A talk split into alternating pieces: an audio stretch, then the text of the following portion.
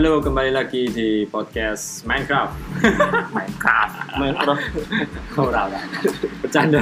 Salah server server. Soalnya saya suka main Minecraft, jadi Minecraft sama main mikrofon sama. Oke, saya ulang selamat datang di podcast Mikrofon. Kita kembali lagi di sini untuk berbincang-bincang sekaligus berpikir-pikir bareng-bareng bersama teman saya Mas Mamat dan saya sendiri Mas Maul. Nah, di sini kita sesuai janji kita kemarin ya, yaitu kita akan mengambil atau membawakan seseorang, seonggok orang, gue star. Ya. Sosoknya seperti apa, Mas Mamat? Kalau Sosoknya adalah sosok yang luar biasa, sangat menginspirasi sekali. Menginspirasi apa ya? dia adalah seorang artis terkenal oh iya, terkenal. Oke, udah nggak di usah zamannya. di zamannya. Wes nggak usah panjang lebar pokoknya kita langsung aja perkenalkan gue star kita yaitu adalah Mas Wisnu. Monggo silahkan perkenalan. Oke. Ya. Saya nama saya apa nama lengkap? Nah, Oh, ya terserah. Terserah yuk. Nama samaran Nama boleh. samaran. Mawar. ya saya Wisnu eh, boleh promo kalau di Boleh, boleh, boleh. Instagram Wisnu Ardian di follow ya. Foto-foto Follow, nggak follow, jelas sama biasanya sih ngomong aneh-aneh di Twitter juga ngomong macam-macam. Oh ya itu keren. Itu terus apa lagi? Ya hmm, mungkin kita kan nanti akan mengobrolkan uh, suatu topik ya. Nah mungkin Artinya perkenalnya perkenalannya apa lagi? oh gitu. Nah, ini apa meneh? Cukup, sih. Cukup cuma nama tok. sama mungkin ini aja backgroundnya Mas Wisnu sendiri itu sebagai apa kerjanya ngapain sehari-hari gitu. Oh. jadi biar nanti pendengar setia main mikrofon kita bisa tahu Bisa Oke. menggambarkan sosok Mas sosok Wisnu. Mas Wisnu seperti apa Eh, saya sih udah denger apa yang kemarin apa episode pertama. Episode pertama. Wah keren. oh iya kenapa Mas Wisnu diundang? Karena Mas Wisnu adalah satu-satunya. Satu-satunya yang mendengarkan. Bukan maksudnya yang pertama kali memfollow akun Twitter kita ya.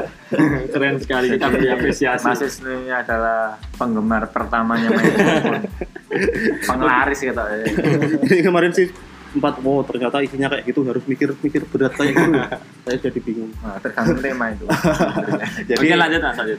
Lanjut lagi. latar belakang saya eh, saya dulu mantan pegawai.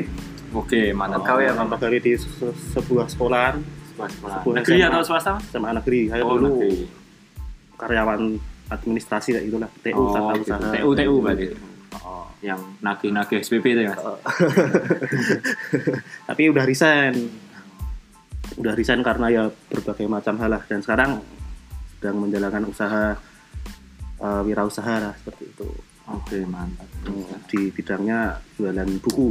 Oke. Jadi apa saya dulu kutu buku. Tapi setelah tahu kalau buku itu bisa menghasilkan uang jadi Kutu istilahnya malah Jadi jadi, jarang apa? jarang baca buku tapi malah lebih Jual banyak jualnya.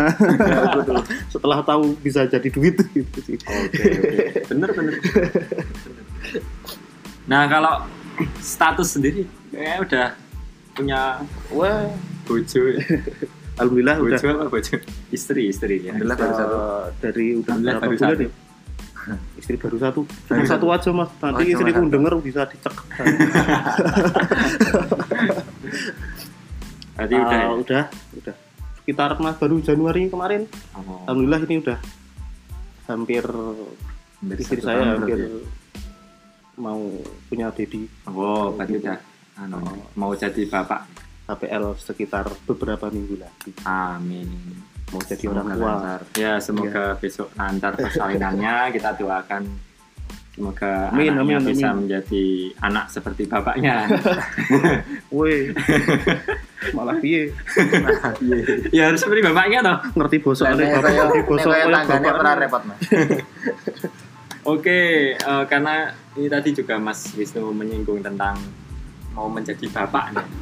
oh iya Gimana kalau kita sekarang ngobrolin tentang orang tua? Orang tua. Gimana? Gimana Mas Awat setuju? Orang tua ya. Orang Tetapi orang tua yang ini kan orang Yang- bapak dan ibu. Iya, bapak dan ibu maksud saya. Maksudnya apa? Yang diminum. Nah, bukan orang tua yang diminum kan gitu kan. Saya nggak tahu ya mas, saya apa itu ya mas. ya kita akan ngobrolin tentang orang tua kita, bukan orang yang tua, orang yang sudah tua. Bukan simbah-simbah ya. bukan orang tua yang sejak tahun berapa itu ya. Oh. saya nggak tahu mas itu apa ya, maaf, saya polos. Ya, apa ya? Apa?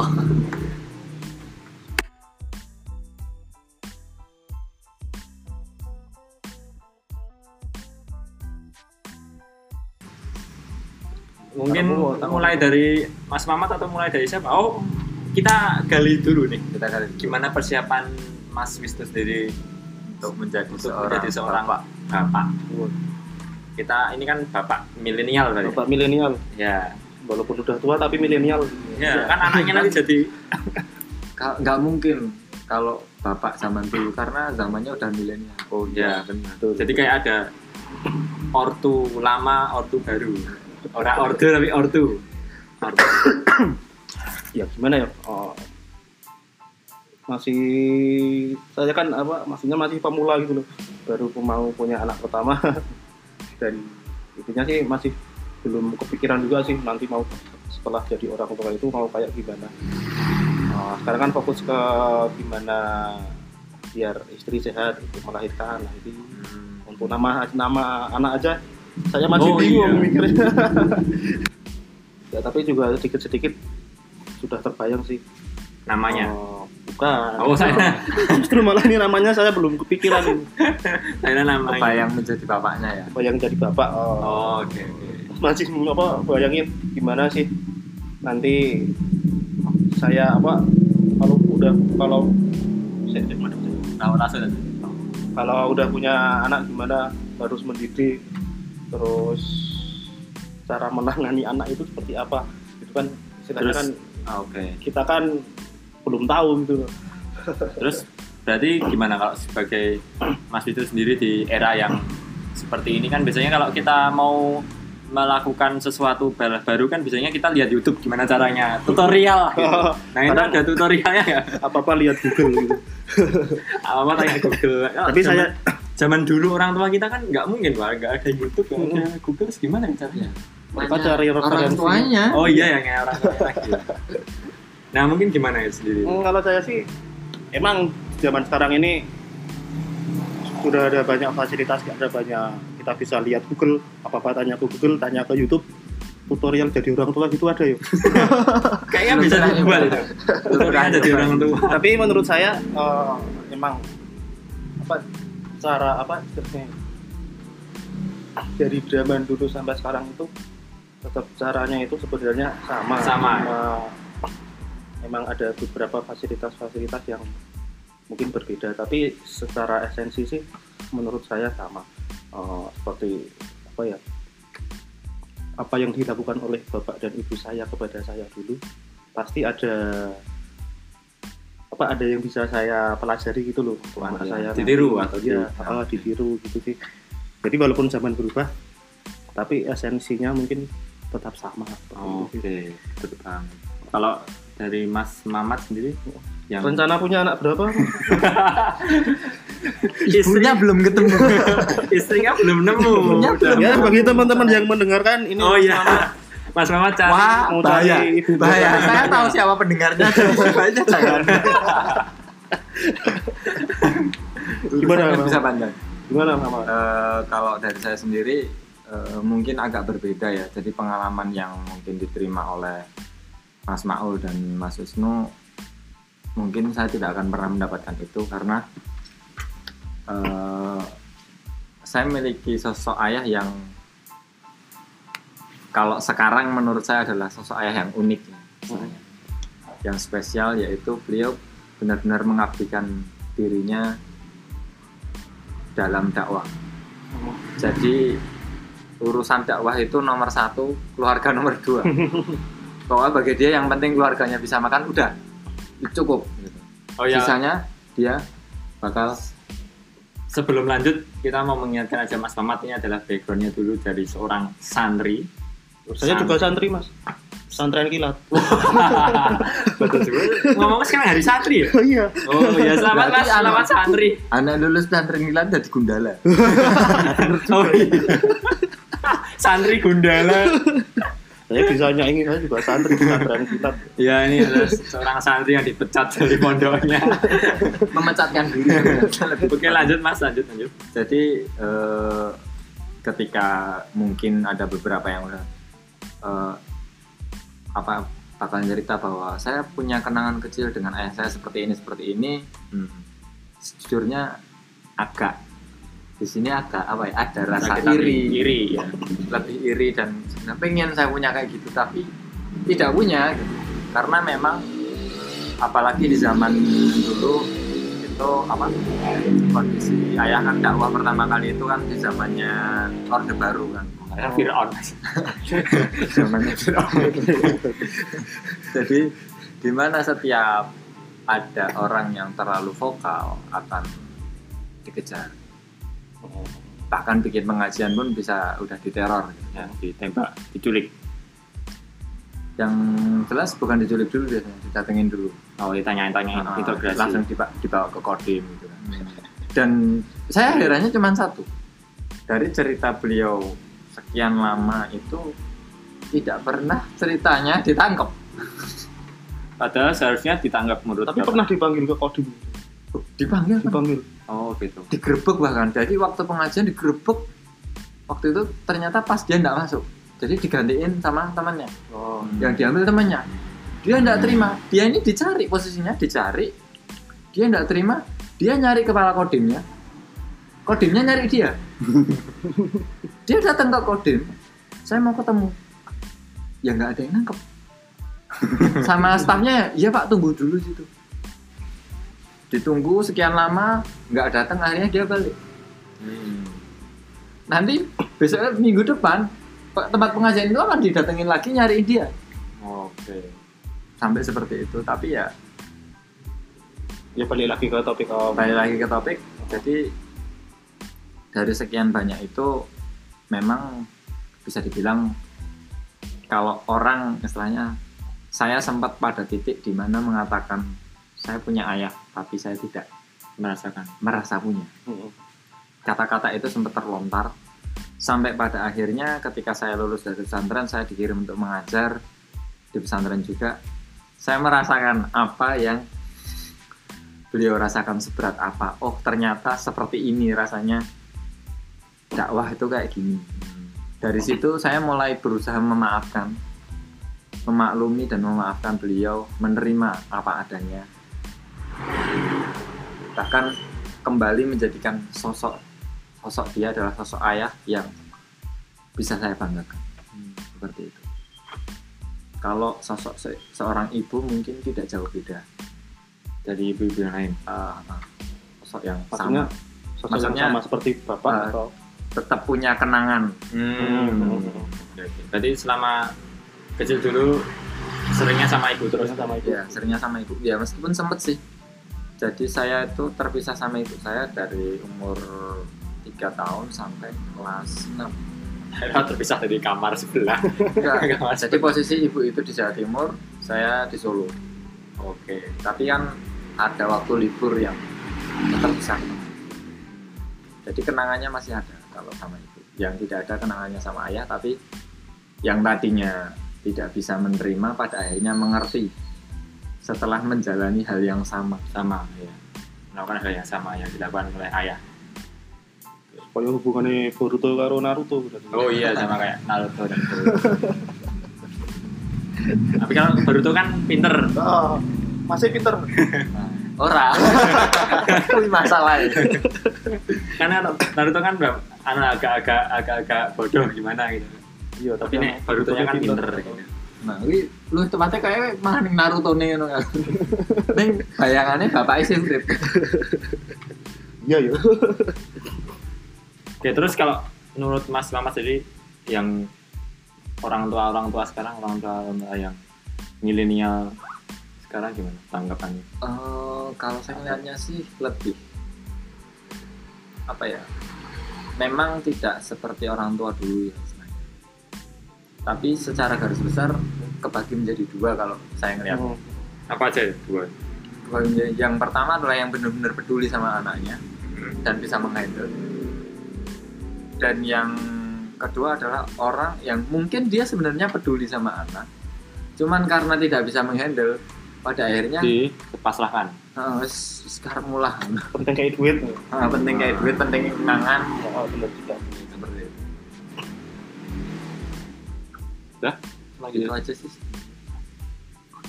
Kalau saya, saya, saya mau. Iya dong. Tahu ya orang mengtakon terus. Ya.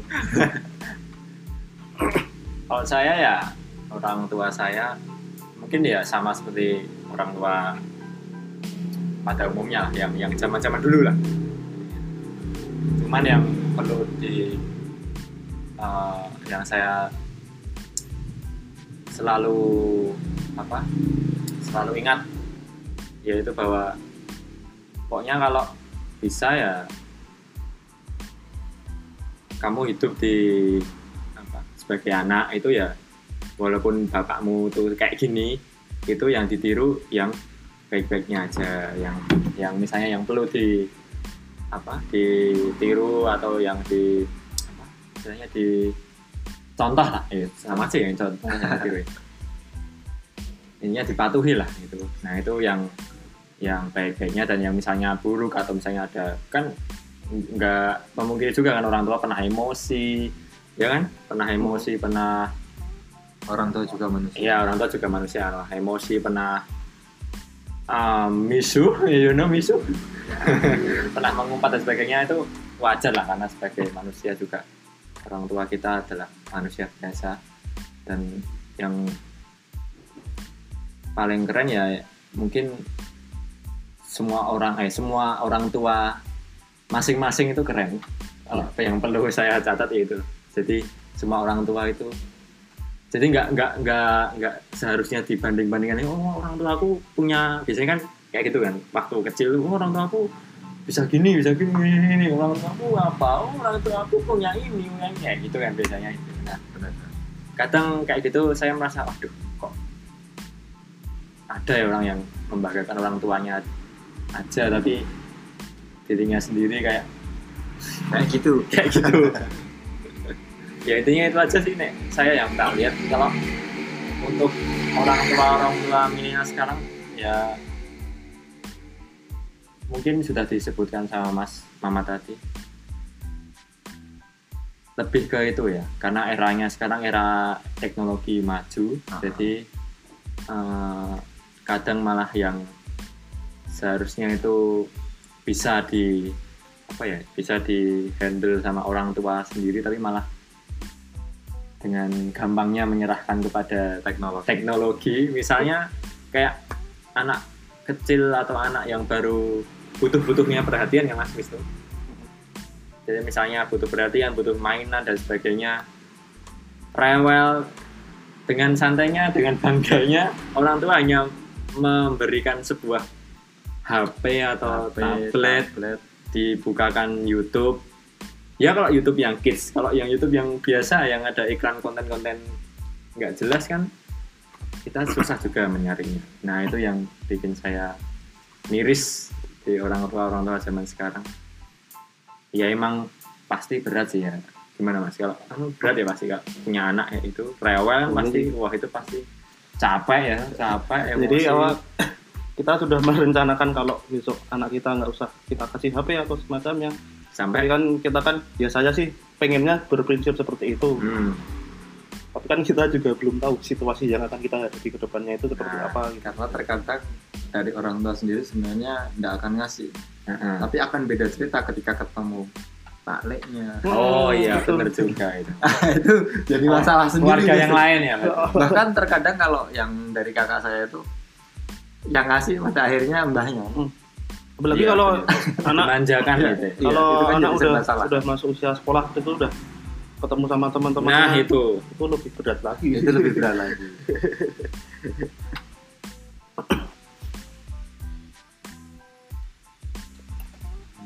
aku udah menceritakan orang tua Oke, kalau Mas Wisnu, oh ya tadi Mas Wisnu belum nyeritain tentang orang tua Mas Wisnu. oh iya kayak seperti apa? Oh, kalau orang tua saya mungkin kebalikannya dari Mas Fak, Mas Mas Mamat ya. ya Mas Mamat. Kalau Mas Mamat tadi kan orang tuanya aktif di dunia dakwah. Soal agama sangat bagus seperti itu ya. Eh, kalau jujur saja tentang orang tua saya itu eh, basic tentang agama itu mungkin ya nggak bisa dibilang nggak bagus sih tapi beda lah maksudnya nggak nggak seperti orang tuanya Mas Mamat. Eh, jadi saya Cukup lah, merasa cukup. ah, cukup lah merasa untuk agama itu memang dulu jadi seperti belajar sendiri kayak gitu sih. Tapi di sisi lain saya sangat bersyukur bisa apanya apa istilahnya jadi anak beliau-beliau ini sih. Kasih sayang mereka itu ke saya menurut saya sangat-sangat cukup lah. Eh, dari saya kecil sampai dewasa apa kedekatan kedekatan emosional saya dengan bapak ibu itu sangat-sangat dekat seperti itu. Eh, dan ini kebetulan kan bapak saya kan belum ada sebulan yang lalu meninggal. Eh, jadi setelah beliau jadi setelah beliau meninggal itu baru terasa istilahnya. Bilangnya sosok. Bilangnya sosok. Ayah. oh, rasanya panutan gitu lah. Ya panutan. Betul kan. ternyata- Panutan.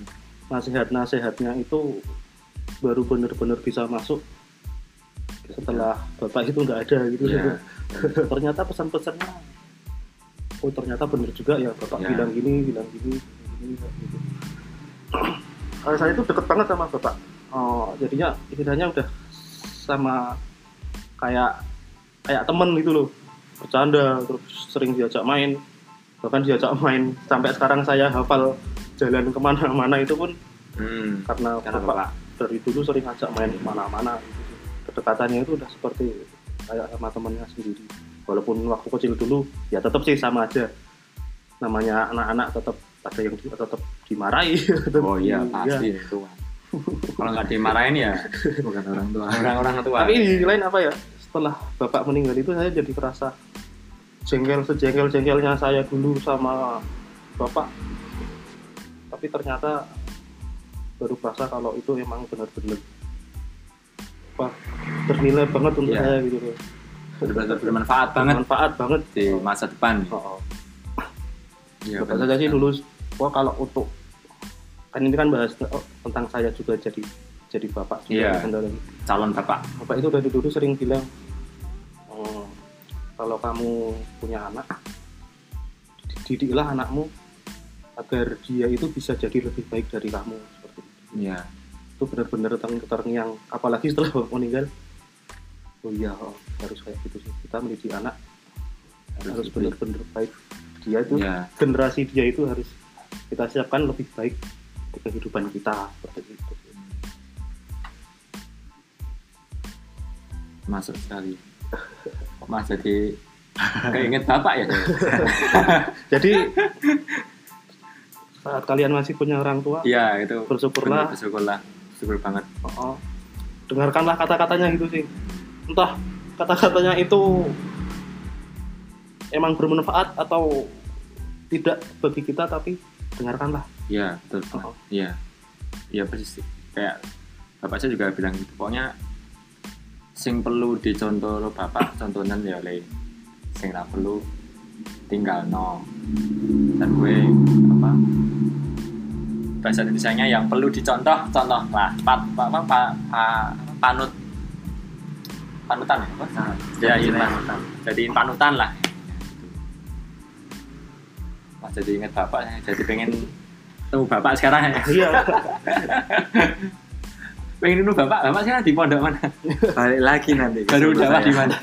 Nah, kalau bapak sekarang lebih sering di rumah sih. Jadi karena Oh, udah di rumah lebih apa udah sering udah tua toh udah capek-capek jadi malah lebih jadi lebih sering ngobrol sekarang apa tetap sama sering aja? ngobrol, eh, lebih terbuka sih Lebih daripada terbuka. dulu kalau dulu baru datang dari Jawa Timur belum ada sehari udah ke bandara ke Jakarta ngurus ini itu berarti ini di masing-masing kita punya Ah. apa ya punya tapi kalau saya sih dari bapak satu kata yang selalu tak ingat yang istilahnya tak jadiin pegangan sampai sekarang itu juga alasan kenapa pada akhirnya saya memilih keluar dari komunitas ayah saya. Soalnya kan ayah punya kayak komunitas yang jadi kayak masyarakat sendiri gitu kan.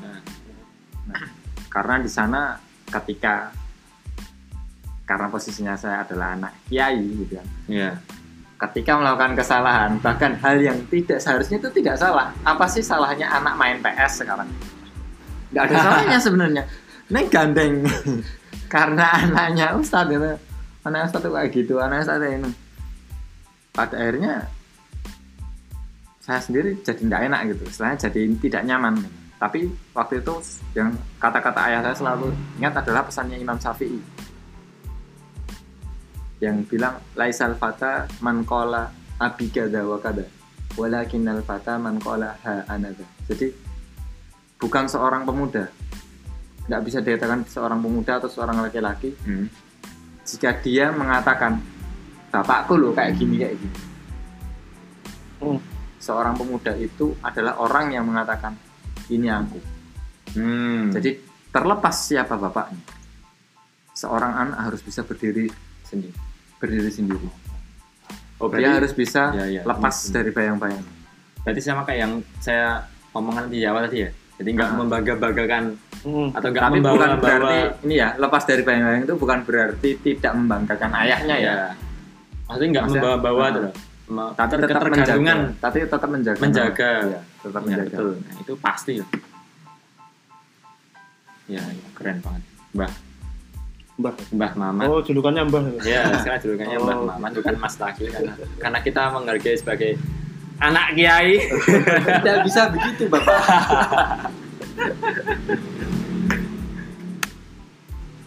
Mungkin pertanyaannya sekarang gini aja. Mas Wisnu kan tadi udah melontarkan uh, persiapan-persiapannya kan sebagai Oh iya. calon bapak. Nah, kalau Mas atau Mbah Mamat sendiri atau saya sendiri gimana? calon apa saya Ya, kan- tetap harus ya kan dipikirkan. at least ya harus Ya. dipikirkan. Maksudnya udah ada konsep ke depannya kayak gimana. kalau konsep ke depannya gitu. sih sebenarnya anaknya mau berapa? 11 atau Wah, kalau itu jumlahnya biar Allah yang ngasih. biar Allah yang ngasih Oke. kalau bayangan saya adalah saya pengen anak saya benar-benar bisa menghargai perbedaan itu yang jelas pertama jadi dia harus belajar agama iya tapi dia juga harus bisa menghargai perbedaan Nah, betul. berbeda dalam pandangan agamanya sendiri Ya. berbeda juga dalam bahkan sampai istilahnya dia bisa menghormati beda agama pun bisa menghormati intinya saya pengen anak saya jadi manusia Iya. maksudnya manusia yang benar-benar berarti manusia ya Oh ya, saya kira mau nikah sama makhluk-makhluk yang lain. karena menurut saya kalau sekarang tuh banyak orang-orang yang manusia sih case-nya tapi dia berusaha Sebagai malaikat. malaikat Malaikat. yang Apa-apa bisa. Bukan apa ya, dia seolah-olah tidak pernah salah gitu kan Oh iya, benar juga. Oh iya sih. Terus untuk konsep istri nah, konsep istri kan orang tua repot deh ini. atau dikembalikan lagi ke Ah, kan istilahnya kan harus mau jadi mau anakmu itu mau ibunya seperti apa gitu loh. Nah, kalau saya sih pada dasarnya konsepnya simpel sih kalau istri itu bukan yang hanya apa ya gur manut manut manut lah itu enggak. Iya bener itu. Saya nggak nyari istri yang seperti itu. Gitu. Selain istri yang, yang benar-benar bisa diskusi yo ngeyel yo rapopo selama dia punya dasar Iya, argumentasi dasar yang benar. benar. Itu. udah cukup. Itu aja.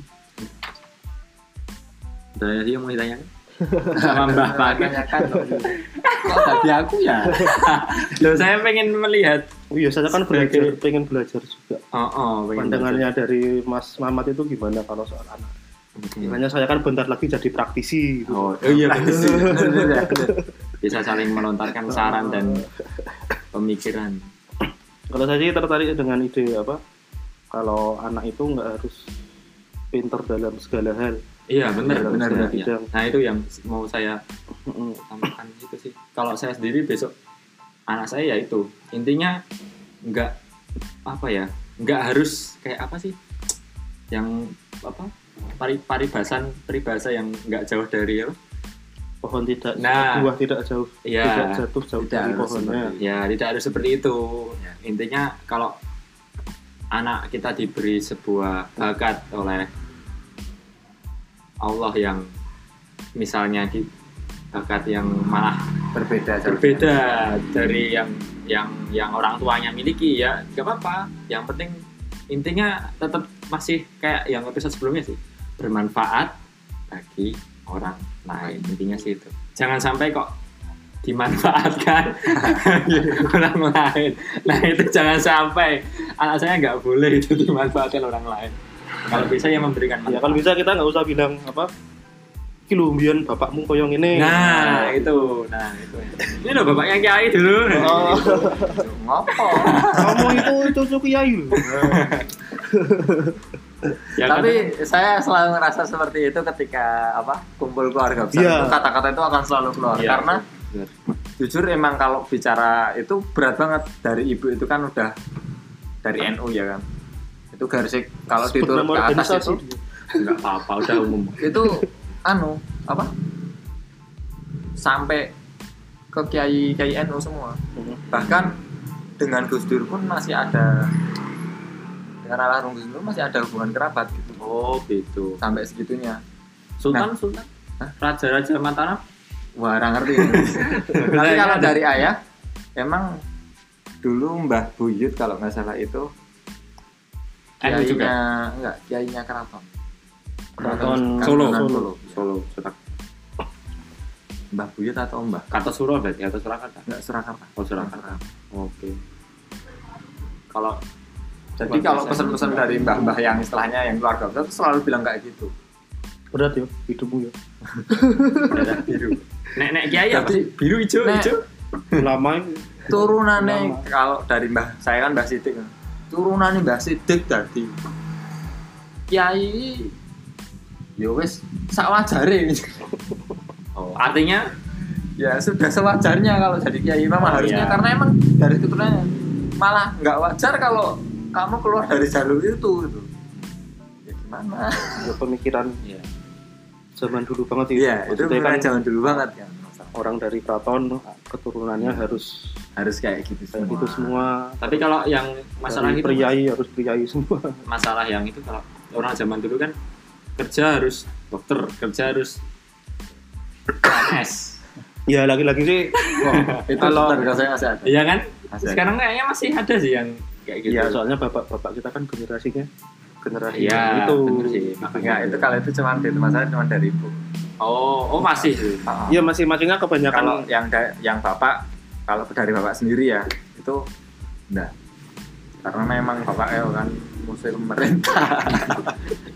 apa, generasi sebelum kita bapak-bapak kita kan Iya sih. memang pemikirannya kan masih Ya, kalau sekarang ya mungkin tugasnya kita besok menjadi calon orang tua menyiapkan generasi menyiapkan generasi baru dan istilahnya mengarahkan lah misalnya kalau oh anak kita tuh kita lihat senang main bola atau senang atau kalau sekarang kan udah ada teknologi ya senang ngehack komputer misalnya. Nah kita arahkan aja yang benar gitu loh yang biar biar benar-benar bisa bermanfaat gitu. Baru. Istilahnya kalau misal besok anak saya itu nggak nggak pinter matematika ya nggak apa gitu. Ya nggak harus dimarahin ya mas asal nggak harus dimarahin maksudnya. Asal memenuhi rata-rata atau tapi ya mikir juga ya. Tapi Sebenarnya ada nggak sih eh, apa kerasa takut kan ngelihat kadang di sekolah-sekolah itu ada kayak akademis. bully entah itu dari akademisnya yang terlalu berat terus kalau enggak apa? Bully. Oh bully. Hmm. bully. Itu kan kencang banget gitu. Ada rasa khawatir nggak sih ketika Ya. memasukkan ya tetap tetap ada sih tetap itu. ada walaupun di generasi saya kita dulu yo pembulian itu juga udah Oh, iya. ada. Ya tapi kan tidak se istilahnya tidak, tidak se- tidak semengerikan yang kita lihat sekarang Iya, karena sekarang medianya makin banyak. Dulu kan medianya cuma mulut.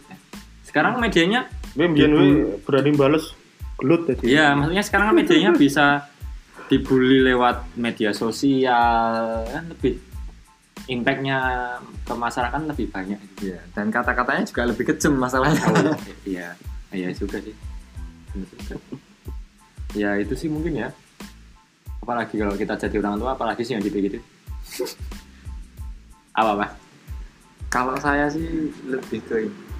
Oh, karena apa ya? Lebih ke milih sekolah. Milih Oh, iya, sekolah yang pas. sekarang kan sekolah itu kan zonasi nggak perlu milih bukan masalah zonasinya kalau saya. apanya Biar anak itu ketika sekolah itu tidak tertekan kan terkadang tekanan bukan dari temennya, tapi terkadang sekolah. dari gurunya juga Oh, gitu oke Ya. Nah, terus kalau misalnya negeri kan zonasi mas jadi mau Iya. nggak mau harus di situ Nah, swasta berarti. oh swasta berarti sudah siap dengan tetek bengeknya Nah, ya itu harus siap. swasta itu soal duit. Iya, ya, ya mungkin lagi sih. Tapi ya emang beda banget sih orang yang ya buat walaupun balik lagi ke cara orang tua mendidiknya sama lingkungannya, tapi sekolah pun juga mempengaruhi lah. Iya. Walaupun hanya sekian persen, tapi tetap mempengaruhi lah. Misalkan biasanya kan ada di udah di masyarakat ada apa ya kayak udah ada gambaran atau image kalau swasta tuh nggak pinter-pinter atau Ya, ya kan yang yang pinter tuh yang di negeri-negeri gitu yang unggulan-unggulan Eh, kalau menurut saya eh, hilangkan anggapan kalau yang belajar itu cuma anak aja. oh iya benar Oh, iya, benar, benar. benar. Itu Setuju saya, setuju. aku setuju banget. Kadang-kadang kita kan karena ya benar jadi orang tua kan egois. Mantap Kamu itu sekali harus kayak gitu, harus kayak gitu. Padahal sebenarnya orang tua lah yang juga malah lebih penting untuk belajar. iya betul Bahkan sekali. terkadang sampai mengarahkan cita-cita anaknya. Iya. nah itu ya kan tadi kita meng- kita mengarahkan anaknya untuk bisa bermanfaat kan kita harus sudah tahu iya kan Ah, saya saya pernah dengar apa kejangan dari salah seorang guru saya waktu sekolah dulu. Ah, beliau itu bilang generasi kayak gini apa generasi sekarang, Sekarang. rusak rusak katanya rusak kayak gitu ya. Hmm. Itu sebenarnya bukan salah dari anak-anak kita. Tapi sebenarnya adalah salah dari generasi sebelumnya. oh gitu Ya, jadi emang generasi rusak itu efeknya dari Generasi sebelumnya. didikan dari generasi sebelumnya. sebelumnya iya sih Saya kan jadi pikir oh iya benar juga. Iya. Ternyata jadi orang tua itu juga harus menyiapkan seperti itu sih. Enggak karena enggak enggak bukan hal yang sepele ya Karena terkadang jadi orang tua yang mungkin dia udah bener tapi ketika salah pada akhirnya nggak mau ngaku salah karena gengsi. Aku luwih tua bang kowe. oh Aku luwih sendiri urip idealis bang kowe. itu. Rep ya semua itu bang gue ya. iya sih bener ya intinya tetap anu nek nek aku sendiri ya belajar tuh ya sampai akhir hayat. Iya, belajar tuh emang tetap harus belajar terus. Nggak kok kita udah jadi orang tua saatnya kita menurunkan ilmu-ilmu kita ke ke anak kita. Tapi cukup belajarnya kan? Karena pada dasarnya ketika kita mengajarkan sesuatu kan kita juga mendapatkan ilmu baru. nah itu Iya. iya. Pasti. ya mungkin cukup lah kita berjumpa eh, berjumpa ber apa membahas tentang Membahas tentang orang tua dan anak. orang tua dan orang tua lama dan orang tua baru dan juga anaknya besok mau jadi seperti apa mungkin kesimpulan dari Mas Wisnu sendiri sebagai gue star dan sebagai calon bapak atau tipsnya ya ya tipsnya untuk kita nih yang sebagai calon yang belum nikah calon suami calon suami dulu belum jadi calon bapak. ya calon suami dan nantinya menjadi calon orang tua Berikut. Jadi yang pertama menurut saya eh, jadi orang tua itu harus belajar juga. Jangan kita cuma nyuruh anak-anak kita itu belajar belajar terus tapi orang tuanya Nggak punya ilmu untuk jadi orang tua. oh Jadi super itu sih. Eh, terus kita harus menyiapkan generasi setelah kita itu jadi generasi yang baik. Karena semakin lama kan tantangannya akan semakin berbeda. Beda zamannya semakin oh semakin mendekati kiamat oh. iya betul betul betul benar Ya, benar. fitnahnya semakin banyak semakin kencang semakin gencar jadi harus menyiapkan generasi yang tangguh untuk menghadapi itu semua sih terus untuk yang masih punya orang tua itu kalian masih punya kesempatan untuk membahagiakan orang tua Iya. kalian Eh, apa seperti saya yang sudah ter- apa baru merasakan oh ternyata kehilangan bapak itu seperti ini rasanya. Dan kita cuma bisa mendoakan itu loh sekarang. Jadi kalau yang masih punya orang tua bersyukurlah eh, perbaikilah hubunganmu dengan orang tuamu. Misal hubunganmu jelek perbaikilah hubungannya. Bahagiakan mereka gitu tisu mana tisu. Tisu. Tisu nggak bawa tisu. Tidak ada tisu. super sekali kesimpulan dan penutup dari Mas Wisnu tadi. Kalau saya sih kesimpulannya saya mau jadi orang tua dulu. Cari mau nikah dulu. Sebelum melangkah ke situ. Sebelum langkah ke situ. Bener nggak? Kayaknya ini yang udah jadi simbah juga belum ada kayaknya Oh. udah ada calonnya sih mas Oh. bapaknya udah ada calon banyak Banyak. banyak Oh, calon banyak. Mas. gelem bu Nah, saya gelembuh Mas. jadi simbah ada Ya kalau saya sih eh, nyambung dari apa kesimpulan dari Mas Wisnu tadi, selama anda masih punya orang tua, kalau misalnya hubungannya tidak baik, entah itu dengan bapak atau ibu, usahakan diperbaiki. Ada kok pasti ada caranya, pasti ada solusinya kalau sama-sama emang perbaiki. Karena gimana ya, hidup kalian tuh akan lebih bahagia, lebih lebih setidaknya lebih lega lah ketika tidak ada ketika hubungan dengan orang tua itu baik. ya gitu. Terus eh, untuk yang mungkin jadi yang udah jadi orang tua mendengarkan ini, saya yang merasa posisinya masih sebagai anak ini eh, mungkin sedikit bersuara lah. Tolonglah kalau ja- jadi orang tua itu jangan apa ya, jangan terlalu memaksakan kehendaknya bahwa si anak harus jadi ini dan itu jangan. Karena si anak itu kalau saya dulu pernah eh, ketemu salah seorang kepala sekolah di Salatiga dia bilang setiap anak itu punya maha gurunya sendiri.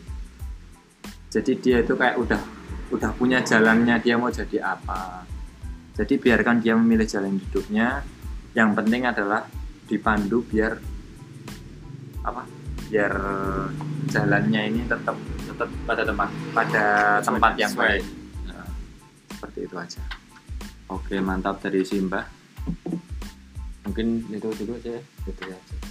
Kita kembali ke eh kita akan ketemu lagi insya Allah di episode selanjutnya jadi kita cukup sekian terima kasih Terima sampai kasih. jumpa Sampai malam. bye bye assalamualaikum.